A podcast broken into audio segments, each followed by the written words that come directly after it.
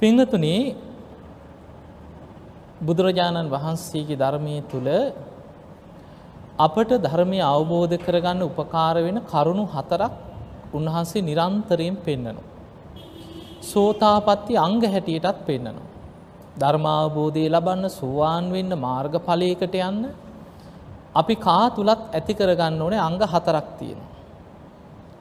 එයින් කාරණා දෙකක්ම බාහිරින් බාහිර ලෝකයෙන් අපිට ලැබෙන්න ඕන කරුණු දෙකක්. තමන් තුළ ඇති කරගන්න ඕනේ කාරණා දෙකක් තියෙනවා. දැන් අපි ගත්තොත් බුදුරජාණන් වහන්සේ පෙන්නනවා ධර්මාවබෝධය කරා යන්න නම් බාහිරින් අපිට ලැබෙන්න ඕන දෙයක් තමයි කල්යාණ මිත්‍ර සේවනය.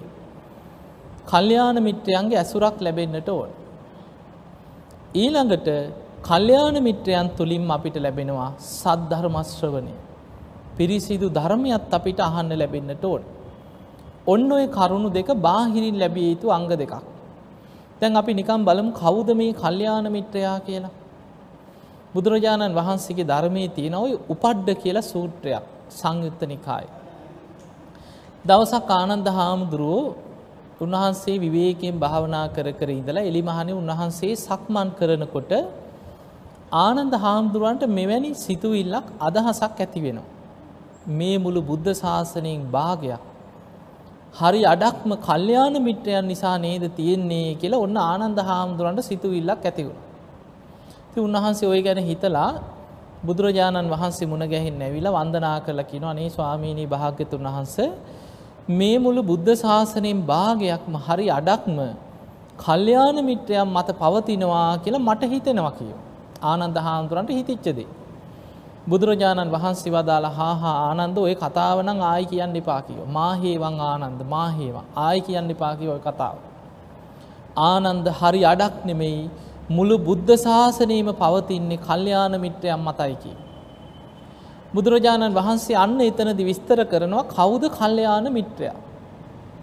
එතකොට ධර්මානුකූලව හරියටම අපිට කල්යාණ මිත්‍රය අල්ලගන්න පුළුවන්. බුදුරජාණන් වහන්සේ විස්තර කර ආනන්ද ඉපදීම ස්වභාවය කොට ඇති මේ ඉපදී ඉපදි සතරාපායි වැටි වැටි යන සත්වයන් ඉපදීම ස්වභාවය කොටගත් සත්වයන් කල්යාණ මිත්‍ර වූ තථාගතයන් වහන්සේ කරා පැමිණිලා ඉපදීමෙන් මිදෙනවා කිය. අන්න කල්යාණ මිත්‍රයේ වටිනාක. මේ සතරාපායි වැටි වැටි යන ඉපදෙමින් මැරෙමින් යන මේ සත්වයන්ට ඉපදීමෙන් මිදෙන මාර්ගය පෙන්වීම. ඊළඟට ජරා මරණ ශෝක පරිදේව දුක්ඛ දෝමනස් උපායාස මේවා උරුම කරගත්ත සංසාරික සත්‍යයෝ කල්යාණ මිත්‍ර වූ තථාගතයන් වහන්සේ කරා පැමිණිලා ජරා මරණ ශෝක පරිදේව දුක්ඛ දෝමනස් උපායාස ආදී සියලු දුක් දුම්නස් වලින් නිදහස් වෙනවා කිය. අන්න එතකොට කල්යාණ මිත්‍රයේ කාර්යය තමයි ජරා මරණ ශෝක පරිදේව දුක් දුම්නස් සියල්ලෙන් මිදෙන මාර්ගය කියලා දෙනවා. එතකොට අපිට මේ දේශනාවට අනුව පේනවා එහෙමනම් මේ ලෝකේ ඉපදීමෙන් නිදහස් වෙන්න, ජරා මරණ වලින් නිදහස් වෙන්න, ශෝක වැළපීම්, දුක් දුම්නස්, සුසුම් හෙලීම් මේ සියලු දුකින් නිදහස් වෙන්න උපකාර කරන කල්යාණ මිත්‍රයා කවුද? බුදුරජාණන් වහන්සේ. උන්වහන්සේ තමයි ලෝකයට පහළ වෙච්ච ශ්‍රේෂ්ඨතම කල්යාණ මිත්‍රයන් වහන්සේ. උන්වහන්සේම තමන් කල්යාණ මිත්‍රයෙක් හැටියට හඳුන්වලා දුන්නා. එතකොට දැන් අපි ගමු බුදුරජාණන් වහන්සේ තමයි ලෝකයේ පහළ වෙච්ච ශ්‍රේෂ්ඨතම කල්යාණ මිත්‍රයන් වහන්සේ. දැන් අද වෙනකොට බුදුරජාණන් වහන්සේ පිරිනිවන් පාලා. එතකොට අද අපිට ඉන්න කල්යාණ මිත්‍රය කවුද? සද්ධර්මය.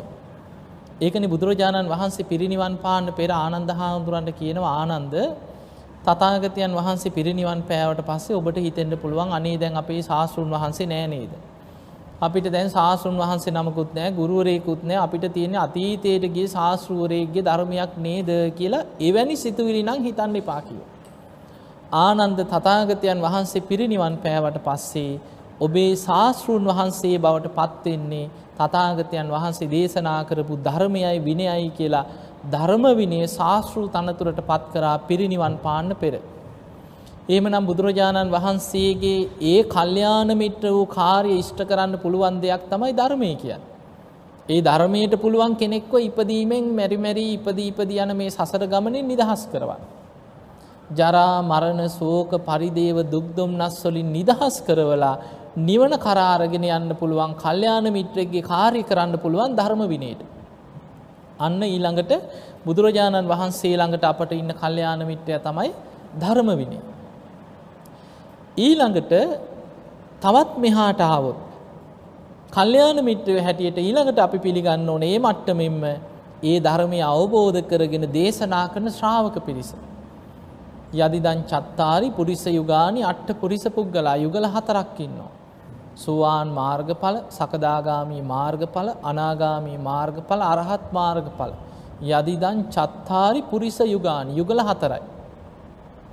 අට්ඨ පුරිස පුද්ගලා පුද්ගලය වශයෙන් ගත්තොත් අට දෙනයි. සෝවාන් මාර්ගය යන කෙනා අන්න එක පුද්ගලේ. සෝවාන් ඵලයට පත්වෙච්ච කෙනා. සකදාගාමී මාර්ගය යන කෙනා. සකදාගාමී ඵලයට පත්වෙච්ච කෙනා. අනාගාමී මාර්ගය යන කෙනා අනාගාමී ඵලයට පත්වෙච්ච කෙනා. අරහත්වේ පිණිස මාර්ගය යන කෙනා රහතන් වහන්සේ. එතකොට පුද්ගලයෝ අට දෙනයි. අන්නේ අයට අපි කියනවා සුපටිපන්න රාග දේශ මොහ ප්‍රහාණය කරන්න මහන්සි ගන්න. උජු පටිපන්න උජු මාර්ගයේ නම් වූ ආර්ය අෂ්ටාංගික මාර්ගයේ ගමන් කරනවා. ඥාය පටිපන්න චතුරාර්ය සත්‍ය අවබෝධයේ පිණිස ප්‍රඥාව දියුණු කරනවා. ඊළඟට තියෙනවා සාමීචි පටිපන්න. සාමීචි පටිපන්න කියන්නේ තමන් අවබෝධ කරගන්න ධර්මය අන් අයට කියලා දෙනවන්න කල්යාණ මිත්‍රයා. පිරිසිදු ධර්මය විකෘති කරන්නේ නැතුව වෙනස් කරන්නේ නැතුව බුද්ධ වචනයේ සසර දුකින් මිදෙන මාර්ගය කියලා දෙනවා නම් අන්න ඒ කෙනා කල්යාණ මිත්‍රෙක්. දැන් ධර්මය නිකන් Tamanට ඕනේ වචන දාලා වෙනස් කරලා ඌ ඒ කාලේ තිබ්බට අද කාලෙට මෙහෙම වෙනස් වෙන්න ඕන කියලා Tamanගේ අදහස් දාලා ධර්මයේ විකෘති කරලා කියනවා නම් ඒ කල්යාණ මිත්‍රෙක් නෙමෙයි. බුදුරජාණන් වහන්සේගේ ධර්මයේ පිරිසිදු අපිට කියලා දෙන නිවන් මඟ කියලා දෙන ජරා මරණ ශෝක පරිදේව දුක් දුන්නස් වලින් මිදෙන මාර්ගය කියලා දෙන යමෙක් ඉන්නවා නම් අන්න ඒ කෙනා තමයි කල්යාණ මිත්‍රයා. දැන් ඔය අපි කල්යාණ මිත්‍රයා ගැන කතා කරේ ධර්මයට අනුව. ඊළඟට අපි නිකම් බලමු අපි ජීවත් වෙන සමාජය දිහා. අපි ප්‍රායෝගිකව ජීවත් වෙනකොට කොහොමද අපි මේ ජීවත් වෙන පරිසරය තුර අපි කල්යාණ මිත්‍රයෙක් හොයාගන්න? ගෙදර දොරේ, රස්සාව කරන තැන, සිල් ගන්න ගිය තැන, බණ අහන්න යනකොට.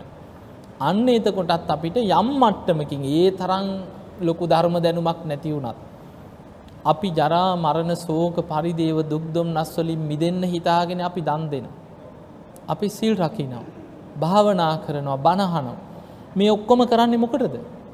අනේ මේ සියලු පිනෙන් අපිට නිවන් අවබෝධය ලැබේවා. ජරා මරණ දුකෙන් නිදහස් වෙලා නිවන් අවබෝධ කරගන්න ලැබේවා කියන ප්‍රාර්ථනෙන්නේ අපි ওই සියල්ල කරන්නේ. එතකොට අපි දන් දෙනකොට කවුරු හරි ඒකට අකුල් හෙලනවා.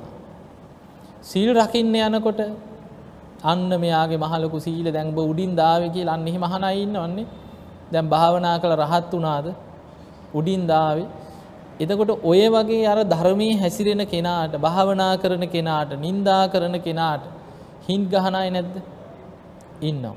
ඒකට අකුල් හෙලන අය ඉන්නවා. ඒ අන්න පව්කාරයෝ. ඒ අය පාප මිත්‍රයෝ. මොකද ධර්මයේ හැසිරෙන කෙනාගේ මානසික මට්ටම වටහන්න හදන කෙනා. කල්යාණ මිත්‍රයෙක් නෙමෙයි. කල්යාණ මිත්‍රය හොයන්න තියෙන අපි ජීවත් වෙන සමාජය තුළ කවුරු හරි අපිට උදව් කරනවා නම් අනේ සිල් රකින්න එක කොච්චර හොඳයිද? භාවනා කරන එක කොයි තරම් හොඳ දෙයක්ද? බණහන එක කොයි තරම් හොඳයිද? ධර්මාවබෝධයට මහන්සි ගන්න එක කොච්චර හොඳ දෙයක්ද කියලා කවුරු හරි අපිට වචනයෙන් හරි උදව් කරන කෙනෙක් ඉන්නවා නම් අපි ජීවත් වෙන සමාජයේ එයා කවුද? කල්යාණ මිත්‍රයෙක්. ඒ නිසා පින්වතුනි කල්යාණ මිත්‍රයා පාප මිත්‍රයා හඳුන ගන්නට ඕනේ අන්න පළවෙනිම දේ. ධර්මාවබෝධයේ පිණිස අවශ්‍ය කරන පළවෙනිම දේ තමයි කල්යාණ මිත්‍ර සේවනය. සමාජය තුල ගත්තහම අපිට පේනවා ටිකක් ওই බණ භාවනා කරන ධර්මයේ හැසිරෙන කෙනාට නිකන් පොඩ්ඩ වරදිනකන් නෙමෙයිද බලාගෙන ඉන්නේ නිකන් හිට ගහන්නෙම. හොඳට බලන්න. පොඩ්ඩ වරදිනකම් බලාගෙන ඉන්නේ. එතකොට ඒ කෙනාට පොඩි වැරද්දක් වුණොත් බනින්නේ නින්දා කරන්නේ අර කරන භාවනාව පිටින් තියලා තමයි බනින්නේ. ඔන්න මුංගේ මහලොකු භාවනාව පේන්නේ නැද්ද? ඕම් පේන්නේ නැද්ද කියලා අර කරපු භාවනාව තමයි ඉස්සරහට දාලා බනින්නේ. මොකක්ද ඒකට හේතුව? හිත ඇතුලේ ඇති වෙන ඕවට කියන්නේ උපක්ලේශ කියලා. ওই රේණුකාණේ හාමුදුරන්ගේ පොතක් තියෙනවා චිත්තෝපක්ලේශ සහ වංචනික ධර්ම කියලා. අන්න ඒක කියවනකොට හොඳට පේනවා මේ හිත ඇතුලේ ඇතිවන ඊරිසියාවල් කුහකකම් මේවා උපක්ලේශ හැටියට එක එක ස්වරූපයෙන් මතුවෙනවා. දැන් නිකන් හිතන්න මෙහෙම. දන් දෙන එක හොඳයිද නරකයිද මුළු ලෝකෙම පිළිගන්නවනේ කාට හරි උදව් කරනවා නම් දන් දෙනවා නම් ඒක හොඳයි කියලා හැමෝම දන්නව නේද? ඒක ලෝකයාම දන්න. ඊළඟට සීලය ගැන හිතන්න. කවුරු හරි ප්‍රාණඝාත කරන්නේ නැත්නම් හොරකම් කරන්නෙත් නැත්නම් ඊළඟට වැරදි කාම සේවනයේ දෙන්නේ සල්ලාලකම යන්නෙත් නැත්නම්. බොරු කියන්නෙත් නැත්නම්. බේබදුකම් කරන්නෙත් නැත්නම්. ඒ කෙනා හොඳයිද හොඳ කෙනෙක්ද නැද්ද? ඒ ඒක මුළු ලෝකයාම පිළිගන්නවා. ආයි මේ බෞද්ධ ආගමේ විතරක් නෙමෙයි ඕනේ රටක හොරකමට දඬුවම් තියෙනවා. මිනි මැරුම් වලට දඬුවම් තියෙනවා. ඊළඟට සල්ලාලකම යන අයට දඬුවම් හම්බ වෙනවා. එතකොට වංචනිකයන්ට බේබද්දන්ට කුඩු විකුණන අයට මඩ්ද්‍රව්‍ය බෙදා හරින අයට දඬුවම් තියෙනවා. එතකොට මුළු ලෝකෙම දන්නවා මේක වැරදි. එතකොට කවුරු හරි සිල් රකින්නකොට ඇයි මේ සිල් රකින්න කෙනාට හින්ට අරින්නේ මොකද? දැන් මේක හොඳ දෙයක් කියලා දන්නවනම්. ඇයි අර සිල් රකින්න ධර්මයේ දියුණු කරන කෙනා ගැන පොඩි ඊරිසියාවක් හිත ඇතුලෙන් එනවා. ඊළඟට භාවනා කරන එක ගැන නිකන් හිතන්න මුළු හැමෝම දන්නවනේ භාවනාව හොඳයි කියලා. ආගම් ભેදයක් නෑ දැන් අපි ගත්තාම බටහිර රටවල පවා මෙඩිටේෂන් කියලා පුදුම හිත දියුණු කරගන්න හිත එකඟ කරගන්න නොයේක් උත්සාහයන් ගන්නවා මේ මිනිස්සු. එතකොට භාවනා කරන එක හොඳයි කියලා මුළු ලෝකෙම පිළිගන්න. හැබැයි ඇයි මේ භාවනා කරන කෙනාට හින්ට අරින්නේ? නිකන් ඒ කෙනාව පහත් කරන්න ලැජ්ජා කරන්න ඕන්න මුන්ගේ මහලොකු භාවනාව දැන් බරහත් වුණාද ඔය වගේ වහන්නේ ඇයි? ඒකට හේතුව තමයි තමන්ට භාවනා කරගන්න වීරිය නැහැ. තමන්ට සිල් රකින්න වීරියක් නැහැ. තමන්ට බනහන්න හිත නැමෙන්නේ. එතකොට තමන් දිහා බලනකොට තමන්ට ඇති වෙනවා බයක්. මම නම් මෙහෙම ඉඳලා මම මැරිලා කොහේ යයිද? මම දුගතියකට වැටෙයි. මම අපායකට වැටෙයි. මුන් මේ අය භාවනා කරනවා. මේ අය ධර්මයේ දියුණු කරනවා. මේ අය පින්කම් කරලා ගැලවිලා යයි කියලා අන්න හිතේ ඇති වෙනවා ඉරිසියාව. අන්නේ හිත ඇතුළේ ඇතිවන ධර්මයේ දියුණු කරන කෙනා ගැන ඇතිවන ඊරිසියාව තමයි ඔය හින් පාස් කරන ඒවෙන් එන්නේ එළියට. අන්නේ නිසා හොඳට තේරුම් ගන්න සමාජයේ තුල ධර්මයේ හැසිරෙන කෙනාට ගරහා කරනවා නම් ඊරිසියාවටමයි වෙන කිසි දෙයකට නෙමෙයි. හැබැයි ගැටෙන්න යන්න එපා කායෙක්වත් අනේ පව් කියලා ඉතින් හිත හදාගන්න එච්චරයි. දන්නවනේ අපි යන දිහා අනේ පව් ඉතින් කියලා හිත හදාගන්න. අන්න ඒ විදිහට කල්යාණ මිත්‍රයන් පාප මිත්‍රයන් තෝරගන්න අපි දක්ෂ වෙන්නට ඕට. ඔන්න පළවෙනි මේක. ඊළඟට කල්යාණ මිත්‍ර ඇසුර අපිට සමාජයෙන් හම්බෙනවා නම් ඒ කල්යාණ මිත්‍රයෝ නිසාම අපිට ලැබෙනවා සද්ධර්ම ශ්‍රවණේ. පිරිසිදු ධර්මය අපිට අහන්න ලැබෙනවා කල්යාණ මිත්‍ර ඇසුරත් එක්ක. දැන් අපි දන්නවනේ ශ්‍රේෂ්ඨම කල්යාණ මිත්‍රය බුදුරජාණන් වහන්සේ.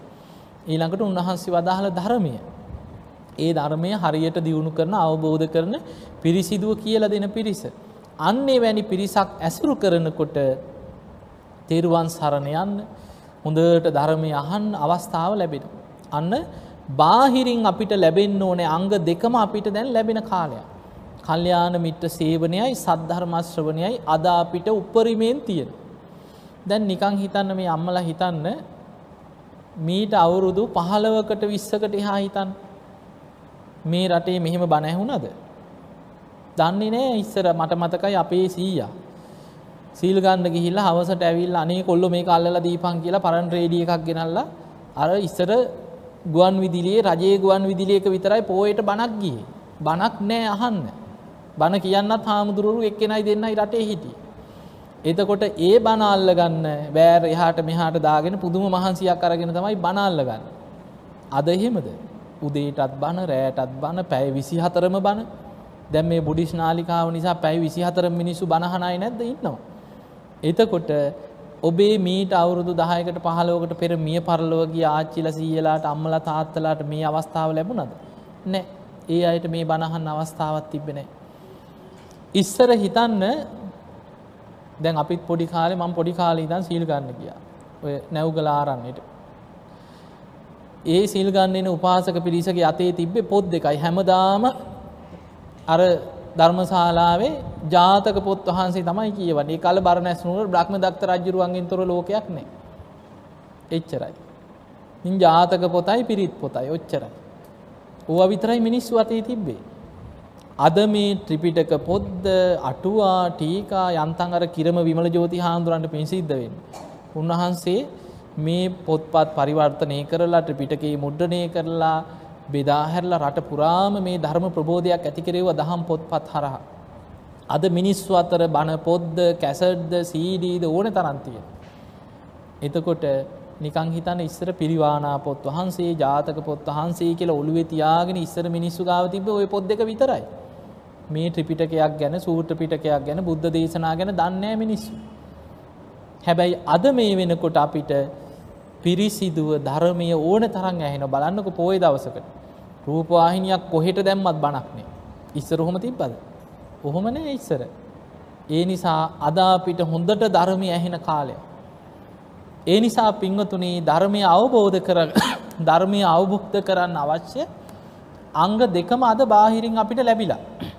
කල්්‍යයාන මිත්‍ර සේවනයත් හොඳට තියෙනවා සද්ධර්මශ්‍රවනයක් තියෙනවා. ඒ ධර්මය අවබෝධ කරගන්න නම් අපි තුළ තියෙන්න ඕනේ අංග දෙකක් තියෙනවා.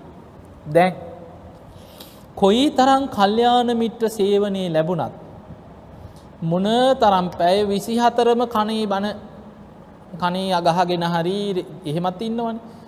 නොයේ කනේ ගහගෙන බණහනයින්න පාරයනයනකොටත් බණහනයි වාහනෙත් බණහන නිදාගන්න ගියත් බණහන් පැය විසි හතරම බණහගෙන හිටියත් කොච්චර කල්්‍යාන මිත්‍රය යටත හිටියත් ධර්මය අවබෝධ කරන්න නම් තමා තුළ අංග දෙකක් තියෙන්න ඕන ඒ තමයි පළවෙනි එක යෝනිසෝ මනසිකාරය අහල විතරක් හරියන්නේ අහන ධර්මය නුවනින් විමසීමේ හැකියාව. ඒකට කෙනවා යෝනිසෝ මනසිකාරය. ඊළඟ එක තමයි දම්මානු දම්ම ප්‍රතිපදාව ධර්මයට අනුකූල ජීවිතයක් ගත කරගන්නවා. ඔන්න ඔය කරුණු දෙක තමන්ට නැත්නම් කොච්චර බණ ඇහුවත් වැඩක්. තමා තුළ තියෙන්න ඕනෑ දම්මානු දම්ම ප්‍රතිපදාව යෝනිසෝ මනසිකාර මේක නිකල් ලේසියට ඇහුවට ඕක ලේසි දෙයක් නෙමෙයි දැන් අපි ගමු ටිකක් ගැඹුරෙන් ඕ ගැන දැන් ඔන්න අපිට ඇහෙනව බුදුරජාණන් වහන්සේගේ ධර්මය කල්්‍යයාන මිත්‍රයන්ගෙන් පිරිසිදු ධර්මය ඇහෙන.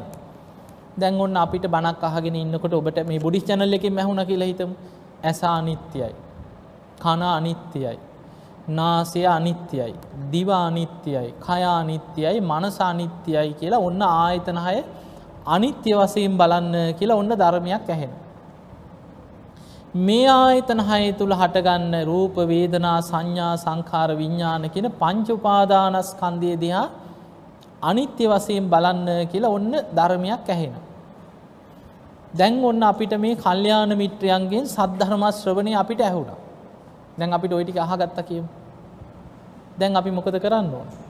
ඒ ඇසූ ධර්මය තමාට ගලපල තමා තුළින් බලන්න ඕන. ඒකට කියෙන යෝනිසෝ මනසිකාරය දෙනවා. කොහොමද තමා තුළින් බලන්නේ? හොඳට භාවනාවට වාඩි වෙලා හිත එකඟ කරගෙන විමසල බලනවා. ඇත්තටම මගේ ඇහැ අනිත්‍යද? දැන් අපි මේක අහගත්තනේ. ඇස අනිත්‍යයි. දැන් අපි බලනවා ඇත්තටම මගේ ඇහැ අනිත්‍යද කියලා හොඳට හිත එකඟ කරගෙන තමන්ගේ ඇහැට හිත යොමු කරලා විමසල බලන අන්න විමසල බලාගෙන බලාගෙන යනකොට අපිට තේරෙනවා නාමරූප පච්චයා සලායතන මේ ඇස කන නාසය දිව ශරීරය මනස කියන ආයතන හයම හැදිලා තියෙන්නේ නාම රූපයන්ගේ. එහෙම නම් මේ ආයතන හය තුළම තියෙනවා පටවි ආපෝ තේජෝ වායෝ කියන සතර මහාධාතු. ඒ තුළ විඳීම් ඇති වෙනවා හඳුනා ගැනීම ඇති වෙනවා චේතනා ස්පර්ස මනසිකාර මේ ආයතන හයේම ක්‍රියාත්මක වෙන. ඊළඟට හොඳට ඇහැට කිමිදිලා හිතෙන් විමස විමස බලනවා ඇහැදිහා. ඇහැ ලිඩ වෙනවා. තුවාල හැදෙනවා. ජරාවට පත්වෙන. වයසට යන්න යන්න ඇසේ පෙනීම අඩු වෙනවා ජරාජීර්ණ වෙනවා. මැරි යනවා. බලන්න ජීවත් වෙලා ඉන්න ඇති මැස් කුණු වෙලා යන මිනිස්සු නැද්ද. ඉන්නවා. සමහරුන් ගැස් අයින් කරනවා. ජීවත් වෙලා ඉන්න ඇද. එතකොට අපිට මේ ආයතන හය දිහාම ඇස කණ නාසේ දිවකය මනස කියන ආයතන හය ගැනම අපි මොකද කරන්නේ තමා තුළින් විමසල බලන. ඇයි මේ ධර්මය තියෙනවනේ ඕපනයිකයි කියනවනේ තමා තුළට පමුණවාගෙන තමා තුළින් බලන්න කිය. දැන් අන්න තමා තුළට පමුණවාගෙන තමා තුළින් බලනවා. ඒකට තමයි භාවනාව කියන විදර්ශනාව කිය. යෝනිසෝ මනසිකාරී දෙනවා කියන්නේ ඒකට. එතකොට අපි මේ අහපු ධර්මය අපිට ගලප ගලප අපි තමා තුළින් බලන.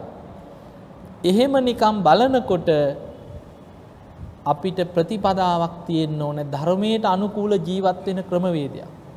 ඒකට තමයි අපි සිල් රකින්නේ. ඉන්ද්‍රිය සංවරයක් ඇති කරගන්න. අපේ කය වචනේ සංවර කරගන්න. අන්න ධම්මානුධම්ම ප්‍රතිපදාවකට එන්න ඕන. එහෙම නැත්නම් දැන් හිතන්න මෙහෙම. සීලය මතමයි සමාධියක් ගොඩ නැගෙන්. සීල පරිභාවිතෝ සමාධි මහත් පලව හෝති මහානි සංසෝ කිය. සීලයෙන් දියුණු කරගන්න සමාධිය මහත් පලයි මහානි සංසයි. සමාධි පරිභාවිතම් පඤ්ඤම් මහත් පලව හෝති මහානි සංසෝ. සමාධියකින් දියුණු කරන ප්‍රඥාව මහත් පලයි මහානි සංසයි. පඤ්ඥා පරිභාවිතන් චිත්තන් සම්මදේව ආසවෙහි විමුච්චති කියෙනවා. ප්‍රඥාවෙන් හිත දියුණු වෙනකොට තමයි සියලු ආශ්‍රවයන්ගෙන් හිත මිදෙන්.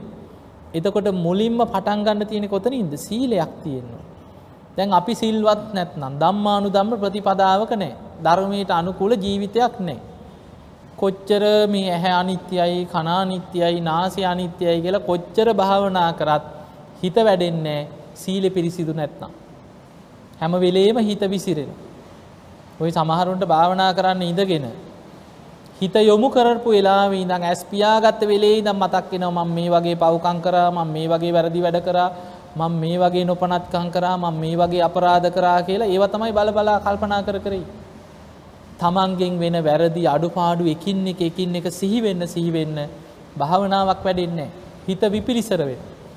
අන්න ඒ නිසා බුදුරජාණන් වහන්සේ පෙන්නනවා අපේ හිත වැඩෙන්න නම් හිත එකඟ වෙන්න නම් අපේ සීලය පිරිසිදුව තියෙන්න්නට ඕන. අපේ සීලය හොඳට පිරිසිදුනන් තමයි අපේ හිත වැඩෙන්. අන්නේ නිසා පිංහතුනි පිරිසිදු සීලයක් කය වචනයේ සංවර කරගත්ත කෙනාට හිත එකඟ කරගන්න පුළුවන්. හිත විපිලිසර වෙන්නේ. එහෙම එකඟ හිතක් ඇති කරගත්ත කෙනාට තමයි ඒ ඒ කාග්‍රතාවය තුළම විමසන්න පුළුවන් ඇත්තටම මගේ ඇහි යථාස භාවයමකක්ද.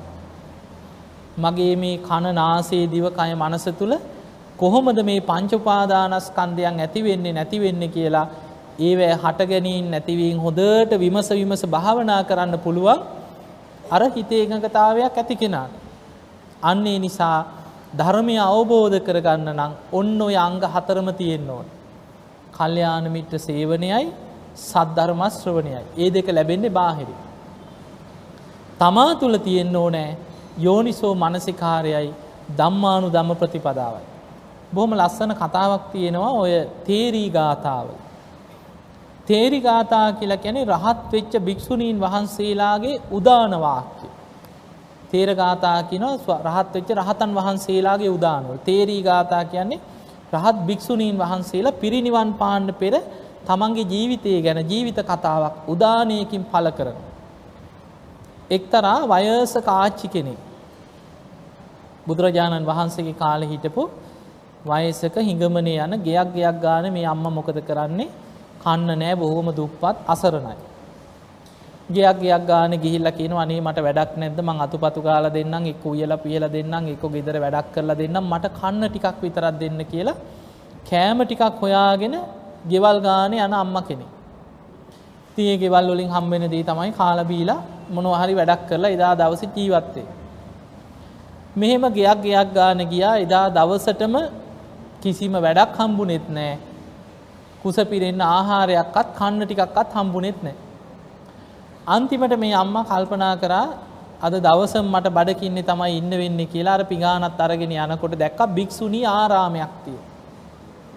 මේ භික්‍ෂුණි ආරාමේ ළඟට ගිහිල්ල එලියෙන් වාඩි වෙලා හිටිය. මේ භික්‍ෂුණි ආරාමි හිටියේ පටාචාරා රහත් භික්‍ෂුණිය. එදා පටාචාරා රහත් භික්‍ෂුණියට හොඳ දානයක් සිටු පවුලකි සිටු පවුලක් කියන්නේ නගර ඉන්න බොහෝ පොහොසත් පවුලක්. බොහොම ප්‍රනීත විදිහට දානයක් අරගෙනාපු දවසක්. ති මේ වයසකම්මා එලිය වාඩි වෙලා හිටිය දැන් කොහොමත් ඉතින් ඔය හාමුදුරු දාන වලදලා ඉවර වුණට පස ඉතුරුවෙන ටිකක් ඔය කාටහරි දෙනවන අහිංසක මනුස්සයකුට ඒ වගේ ඉතුරු වෙන ටිකක් මටත් හම්බෙයි කියලා එළියෙන් වාඩි වෙලා හිටිය. පටාචාරා භික්‍ෂුණිය ඇතුළු හිටපු භික්‍ෂුණීන් වහන්සේලා දානි වලඳලා ඉවර වෙලා අර ඉතුරු වෙච්ච ආහාර ටිකක් භාජනයකට බෙදලා ගිහිලා රාච්චිට දුන්නා අම්මයා මේක කන්න කියලා දුන්න. දැම් මේ හොඳ ප්‍රනීතව ලැබිච්ච ආහාරය දැ වෙන දගෙවල් වලින් හම්බෙනුවේ දංකුඩ ටිකක් විසි කරන දෙයක් පිළුණු වෙච්ච දෙයක් එහෙම දේවල් නිදින්න ගොඩක් දුරට. දැම් මේ ප්‍රනීත ආහාර ටික ගන්නකොට හිතුනා මං මේ ගයක් ගයක් ගාන හිගමනයේ ගිහිල්ලා. මොන තරම් බැල මෙහෙවරකං කරලද මේ කෑම ටිකක් ඉඳුල් ටිකක් හරි හොයාගන්න. මෙහෙ නතර වුණානං හොඳයින මට. මේ භික්‍ෂුණීන් වහන්සේලාටන හොඳට දානි හම්බෙන් ඒ නිසා මම මෙහි නතර වෙන මොන හරි වැඩක් පොලක් කරගෙන ඉන්න බැරිය. එතකොට මට හොඳට කෑමටිකත් හම්බේන කියලා හිතුව හිතිලා පටාචාරා භික්‍ෂුණිය ළඟට ගිහිල්ල වන්දනා කළ කිවා නේ භික්‍ෂුණිය මම හරි ආසයි කිව මේ ධර්මය පුරුදු කරගන්න බණහන් මටත් ධර්මයේ දියුණු කරගන්න ඕන මං ඉතින් වැඩපොළ කටයුතු කරගෙන මං මෙහි නතර වෙන්නද කියලා ඇහුවා. පටාචාරාව කිව හා හොඳයි එහෙනම් ඉති මේ වැඩක් පොලක් කරගෙන උදව්පකාර කරගෙන ඉන්න බැරිය කියලා නවත්ත ගත්තා. දැන් අර භික්‍ෂුණි ආරාමෙ නතර වුණේ මොකට නිවන් දකින්නද. අවංකෝම නිවන් දකින අදහසක් නෙමෙයි කන්න නතර වුණේ කෑමට. හැබැයි දැන් ඔන්න ගෙඉතින් අය ආරාමි වැඩත් කරනවා අතු පතු ගානවා සුද්ධ පවිට්ට කරනවා දාන සාලාය වැඩ ටිකත් කරනවා ඉතුරු වෙන ටිකත් හම්බෙනවා. ඔහොම ටික දවසක් යනකොට දැන් ඊළඟට ප්‍රශ්න එන්නේ කාගෙන්ද. දායක දායිකාවන්ගෙන් දැන් දායකයන්ගේ ප්‍රශ්න දැන් දවස ගානේ නා යහනවා අම්ම මොකද මෙහි ආච්චි මොකද මෙහි එදත් හිටියන්. යන්න තැනක් නැද්ද දරුවෝ නැද්ද සලකන්න කෙනෙක් නැත් මෙහිට වෙලා මොකද කරන්න දැන් රටේ නැති ප්‍රශ්න. මේ අම්මට මේ තුන යකෝ මුන්ට මේ කෑම ටිකක් කන්න කී දෙනෙකුට මං උත්තර දෙන්න ඕනද. ඔය කිසි දෙයක් නෑනේ මං පැවිදි වුණු. කවුරුත් අහන්න ෑනේ ආච්චි මොකද මෙහි කියලා අහනවද පැවිදුනාට පස්සේ. නෑ. ඒ නිසා මං පැවිදි වෙනවා. ගියා පටාචාරා භික්ෂුණිය ළඟට ගිහිල්ලා වැඳලා කීවා අනේ භික්ෂුණිය මාව පැවිදි කරගන්න කිව්වා මට ඉක්මනට ධර්මය අවබෝධ කරගන්න ඕන කියලා. පටාචාරාව මොකද කරේ අනේ භික්ෂුණීන් වහන්සේලා එක්ක එකතු වෙලා ඉතින් විනයානුකූලව පැවිදි කරා. දැන් පැවිදි වුණේ නිවන් දකින්නද? ඒත් නෑ. හැබැයි පැවිදි වෙලා දැන් බොහොම වයසයි. දානශාලාවේදා පැවිදි වෙලා දානය ගෙනාපු වෙලාවෙ දැන් දාන ශාලාව කෙලවරේ ඉඳගෙන ඉන්න දැ භික්ෂුණියක්න. දානය බෙදුවට පස්සේ පටාචාරාව දානිගේන දායකයන්ට බණ කියන. පටාචාරාව කියනවා මේ ඇස අනිත්‍යයි. ඇහැට පේන රූපත් අනිත්‍යයි. කන අනිත්‍යයි කනට ඇහෙන සබ්දයත් අනිත්‍යයි. නාසයත් අනිත්‍යයි නාසයට දැනෙන ගඳ සුවඳත් අනිත්‍යයි කිය. මේ දිවත් අනිත්‍යයි දිවට දැනෙන රසයත් අනිත්‍යයි. ඔහොම බණ කියනකොට මේ අහගෙන ඉන්නවර ආච්චි දැම් පැවිදි වෙලා දාන ශාලාය වාඩි වෙලා ඉන්න භික්‍ෂුණි. ආගෙන ඉන්නකොට තමන්ටම ලැජ්ජ හිතුන චිකේ මේ දිවත් අනිත්‍යයි. දිවට දැනෙන රසයක් අනිත්‍යයි මං මේ අනිත්‍ය වූ රසයකට ලොල් වෙලා නේද මං පැවිදි වුණේ. අනිත්‍ය වූ දිවක් පිනවන්න හිතාගෙන නේද මං මේ පැවිදි වුණේ. තමන්ටම තමන්ගේ චේතනාව ගැන ලැජ්ජාවක් ඇති වුණ. එදා අර බණටික හොඳට අහගෙන ප්‍රත්්‍යවෙක්ෂා කරලා දානි වලඳලා පාත්තරයේ හෝදල නමල තියල අධිෂ්ඨානයක් ඇති කරගත්තා. අද මම මේ ධර්මයම අවබෝධ කරගන්න. මම මේ ධර්මයම නුවනින් විමසනවා කියලා එදා පාත්තරයේ හෝදලා නමල අධිෂ්ඨානයක් ඇති කරගත් අදමන් නිදාගන්නේ. එලි වෙනකන් නැකිටල භාවනා කරනවා කියලා සක්මන් කරන්න පටන්ගත්. දැන් වයසට ගිය අම්ම කෙන. සක්මන් කරන්න බෑ ටික වෙලාව සක්මන් කරනකොට කලන්ත. කනුවක් අල්ලගෙන කනුව වටේට සක්මන් කරා කියත. එහෙම සක්මන් කළ ඔන්න ඉඳගෙන භාවනා කරනවා මේ ඇස අනිත්‍යයි කන අනිත්‍යයි කියලා විමසනවා. නිදිමත එනකොට නැකිටල සක්මන් කරන. ඔය විදිහට රෑල්ලි වෙනකම්ම වීරිය වැඩුවා අරුණෝදයටත් පෙර තුන්වෙනියාමේ අවසන් වෙන්න පෙර හිත කෙලෙසුන්ගෙන් මිදිලා රහත් වුණා රහත් භික්‍ෂුණයක් බවට පත් වුණා. ඔන්න බලන්න කෑම ටිකක් හොයාගෙන හිඟමනය ගිය කෙනෙ. නමුත් අන්න කල්්‍යාන මිත්‍රයන්ගෙන් සද්ධර්මය ලැබීමේ වටිනාක. මේක තියෙනවා තේරී ගාථාවල මේ රහත් භික්‍ෂුනිය පිරිනිවන් පාන්න පෙර තමන්ගේ ජීවිත කතාව ලස්සන උදානයකින් කියන. මේ භික්‍ෂුනිය කියනවා මම එදා පිඟානක් අරගෙන ගෙයක් ගෙයක් ගාන කෑම ටිකක් හොයාගෙන ගිය වයසක අම්ම කෙනෙ. මම එදා පටාචාරා භික්‍ෂුණියගේ ආරාමයට ආවේ කෑම ටිකක් හොයාගෙන මිසක් නිවන් දකින අදහසකින් නෙමෙයි. මම ආරාමෙන් නතර වුණේ නිවන් දකින අදහසකිනුත් නෙමෙයි. මම පැවිදි වුණේ නිවන් දකින අදහසකිනුත් නෙමෙයි. නමුත් මට කල්්‍යාන මිට්ට වූ පටාචාරාවගෙන් සද්ධර්මශ්‍රවනය ලැබුණ අන්න අරංග දෙක ගැන කියන. කල්්‍යාන මිට්ට වූ පටාචාරාවගෙන් සද්ධර්මශ්‍රවනය ලැබුණ. මමත් ඒ ධර්මය නුවනින් විමසමින් යෝනිසෝ මනසිකාරයේදුනා. මම දම්මානු දම ප්‍රතිපදාවක හැසිරුණා. ඒ නිසා මමත් මේ ධර්මය අවබෝධ කරගෙන ත්‍රිවිද්‍යාව ලැබුවා ඔන්න මන් දැම් පිරිනිවන් පාන්න යන්නේ කියලා ඉදා උදානයක් පල කරලා ඉදා රාත්‍රී පිරිනිවන් පෑ. එතකොට මේ තමන්ගේ උදානය තුළ තමන්ගේ මුළු ජීවිත කතාවම ඇතුළත් වෙලා තියෙන. එතකොට බලන්න මේ භික්‍ෂුණියගේ ජීවිතය දිහා බලනකොට පේෙන් ඇද්ද අංග හතරම. බාහිරින් ලැබෙන්න ඕනෑ අංග දෙකම තියෙනවා. කල්්‍යාන මිත්‍ර සේවනයයි සද්ධර්මශ්‍රවනයයි පටාචාරාවගෙන් පිරිසිදු ධර්මය අහන්න ලැබුණ. ඒ ධර්මය අවබෝධ කර ගැනීම පිණිස තමා තුළ තියෙන් ඕන අංග දෙක වයසට ගිහින් හිටියත් තමන් ඇති කරගත්ත. යෝනිසෝ මනසිකාරයේ දෙමින් ධර්මය තමන්ට ගලපමි නුවනින් විමසල අවබෝධ කරගන්න උත්සාහයක් ගත්තා. ඊළඟට දම්මානු දම්ම ප්‍රතිපදාවක යෙදුනා.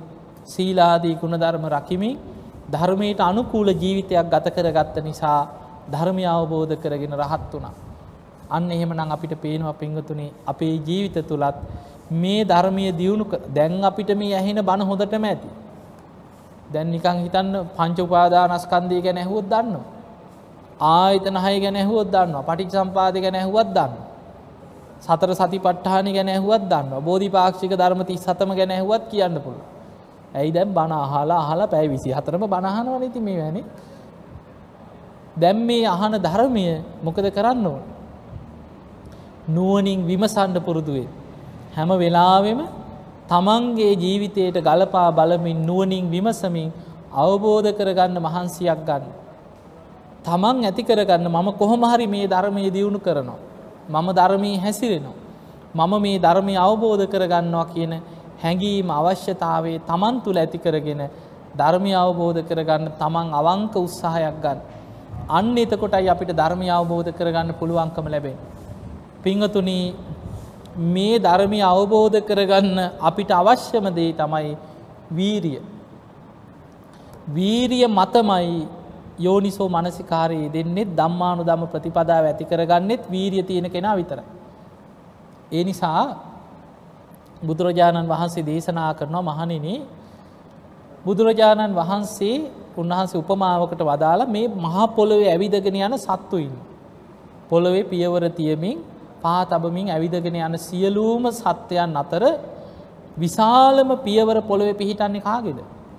ඇතාගේ හස්ති රාජයකි විශාලම පියවර හැටියට පොළොව තුළ පිහිට. බුදුරජාණන් වහන්සේ වදාළ මේ ඇතෙක්ගේ පියවර සටහන ඇතුළෙන් ඕනෑම සතෙක්ගේ පියවරක් තියන්න පුළුවන්.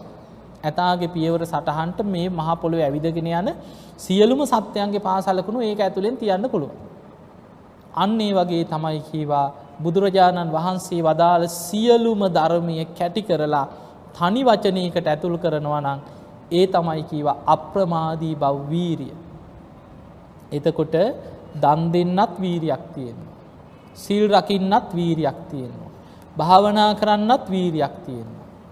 නිවන් දකින්නත් වීරියක් තිය ඔය හැම ගුණ ධර්මයක්ම. බෝධිපාක්ෂික ධර්ම ගත්තොත් මේ ඔක්කොම දියුණු කරගන්න තියෙන වීරිය මත. ඒ නිසාන හැමතැනම යෙදෙන දැම් බලන්න සතර සම්යක් ප්‍රධාන වීරිය කියලා ඔන්න වීරිය ගැන කතා කළ. ඊළඟට ඉරදිපාද ගැන කතා කරනකොට එතනත් තියෙනවා විරිය ඉරදිපාදය කියලා. පංච ඉන්ද්‍රිය ධර්ම ගැන කතා කරනකොට එතනත් තියෙනවා විරිය ඉන්ද්‍රිය කියලා. පංච බලධර්ම ගැන කතා කරනකොට එතනත් තියෙනවා විරිය බලය කිය.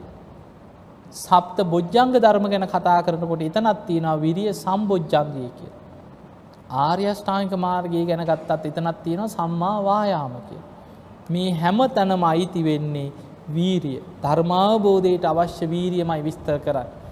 වීරිය නැති වුණොත් ධර්මාවබෝධයට පින තියෙන කෙනා පවා වීරිය නැති වුණොත් මොකද වෙන්නේ? අවස්ථාව අහිමි වෙනවා. එහෙම අය කොච්චර ඉන්නවද? දැන් බලන්න කල්යාණ මිත්‍ර ඇසුර හම්බුන් නැත්නම් ධර්මාවබෝධයට පින තිබ්බත් අපා යන්න පුළුවන්. හොඳම උදාහරණය තමයි අජාසත්ත.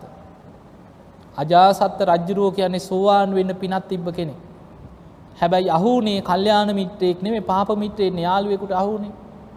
පාප මිත්‍ර උපදේශ පිට අන්තිමට ආනන්තරි අකුසලයක් කරගෙන අපාගාමී වෙන කර්මයක් හදාගත්තා.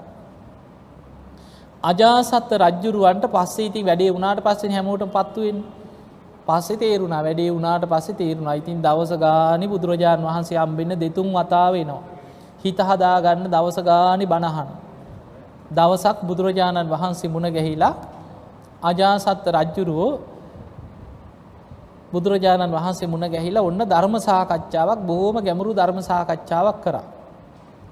මෙහෙම ගැඹුරු ධර්ම සාකච්ඡාවක් කරනකොට බුදුරජාණන් වහන්සේ බොහෝම ගැඹුරෙන් ධර්මාවබෝධය ගැන නිවන් අවබෝධයට යන පංචුපාදානස්කන්ධ දුක ගැන විස්තර කරා.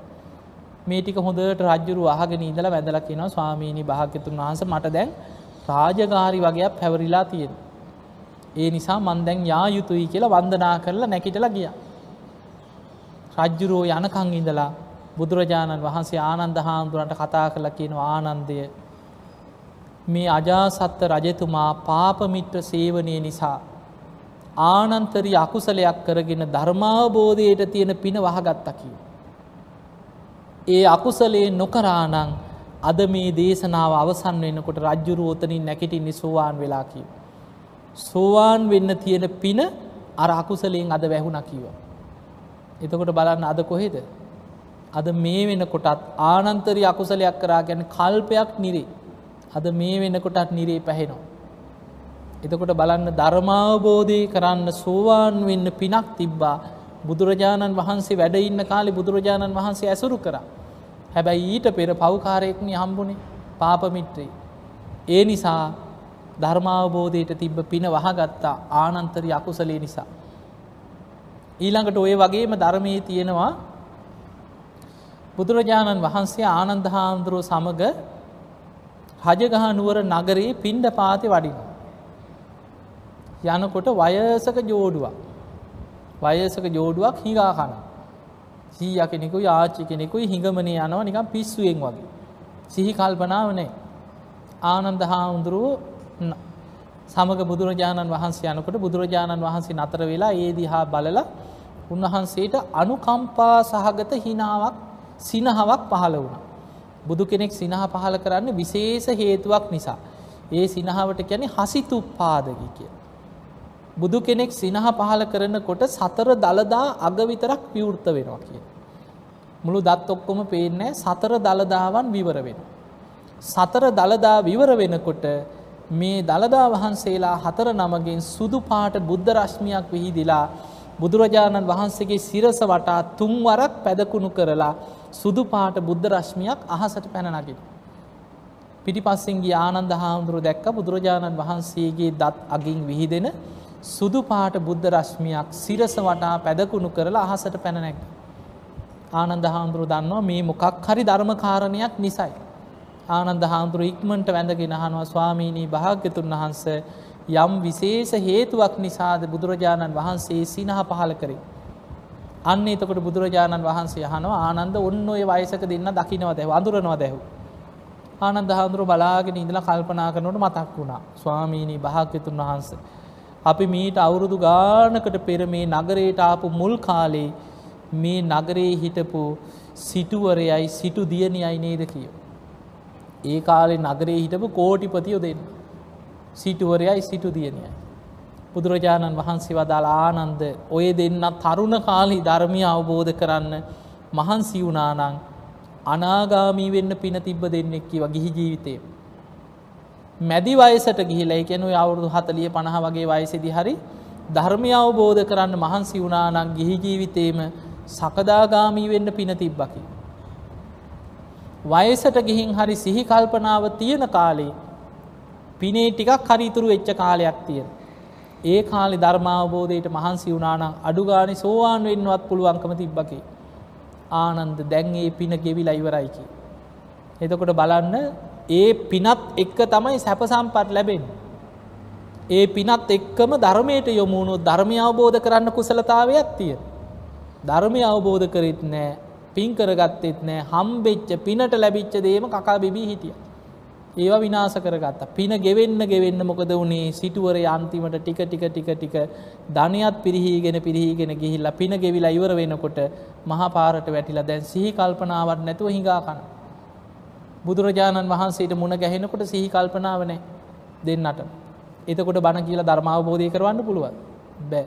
අන්න සෝවාන් වෙන්න තිබ්බ පිනත් ඉවරයි එතකොට. එතකොට බලන්න මේ ධර්මය අවබෝධ කරගෙන ගිහි ජීවිතේම මාර්ගඵල ලබාගෙන ධර්මාවබෝධය ලබන්න පුළුවන් අය නේදී. ඇයි ඒ පිරිහුණේ වීරියක් නැතික. අන්න බලන්න ඒ නිසා තමන්ගේ පින ගෙවෙනකොට හොඳට බලන්න ලෝකෙ උදාහරණ රජ මැදුර හිටියත් හිඟමනයට වැටෙන. මොන්න සිටු තනතුරු තිබුණත් මොන්න තරන් සමාජය වැජබිලා හිටියත් පින ගෙවිලා ඉවර වෙනකොට එක රැයෙන් මහපාර හිඟා කන්න වෙන්න පුළුව. අන්නේ නිසා තමන්ගේ පින මත තමයි අපිට මේ හැමදේම ලැබිලතිය. පුබ්බේච කතපුඥතා පෙරකරපු පිනක් නිසයි අපි මේ සියලු සැප සම්පත් අපිට මේ ලැබෙන්. අපිට හොඳ සිහි කල්පනාව ඇතුව අපි උපදින්නේ. ඊළඟට අංගවිකල වෙලා නැතුව මන්ද බුද්ධික වෙලා නැතුව අපි හොඳට ඉපදිලා ඉන්නවනම් ඒ සියලු උපත ලැබුණේ අපේ පෙර පිනක් නිසා. අපිට මේ ධර්මය ඇහෙන්නේ පෙර පිනක් නිසා. පතිරූප දේශයක අපි ඉපදිලා ඉන්නේ ධර්මය ඇහෙන රටක පෙර පිනක් නිසා. පුබ්බේච කතපුඥතා පෙර කරපු පින් තියෙනවා අපිට. හැබැයි මේ පින කවදා ගෙවිලා ගෙවිලා අවසන් වෙයිද අපි දන්නේ. මේ පින දැනටමත් කොච්චර අපේ ගෙවිලා ගිහිල්ලාද අපි දන්නේ.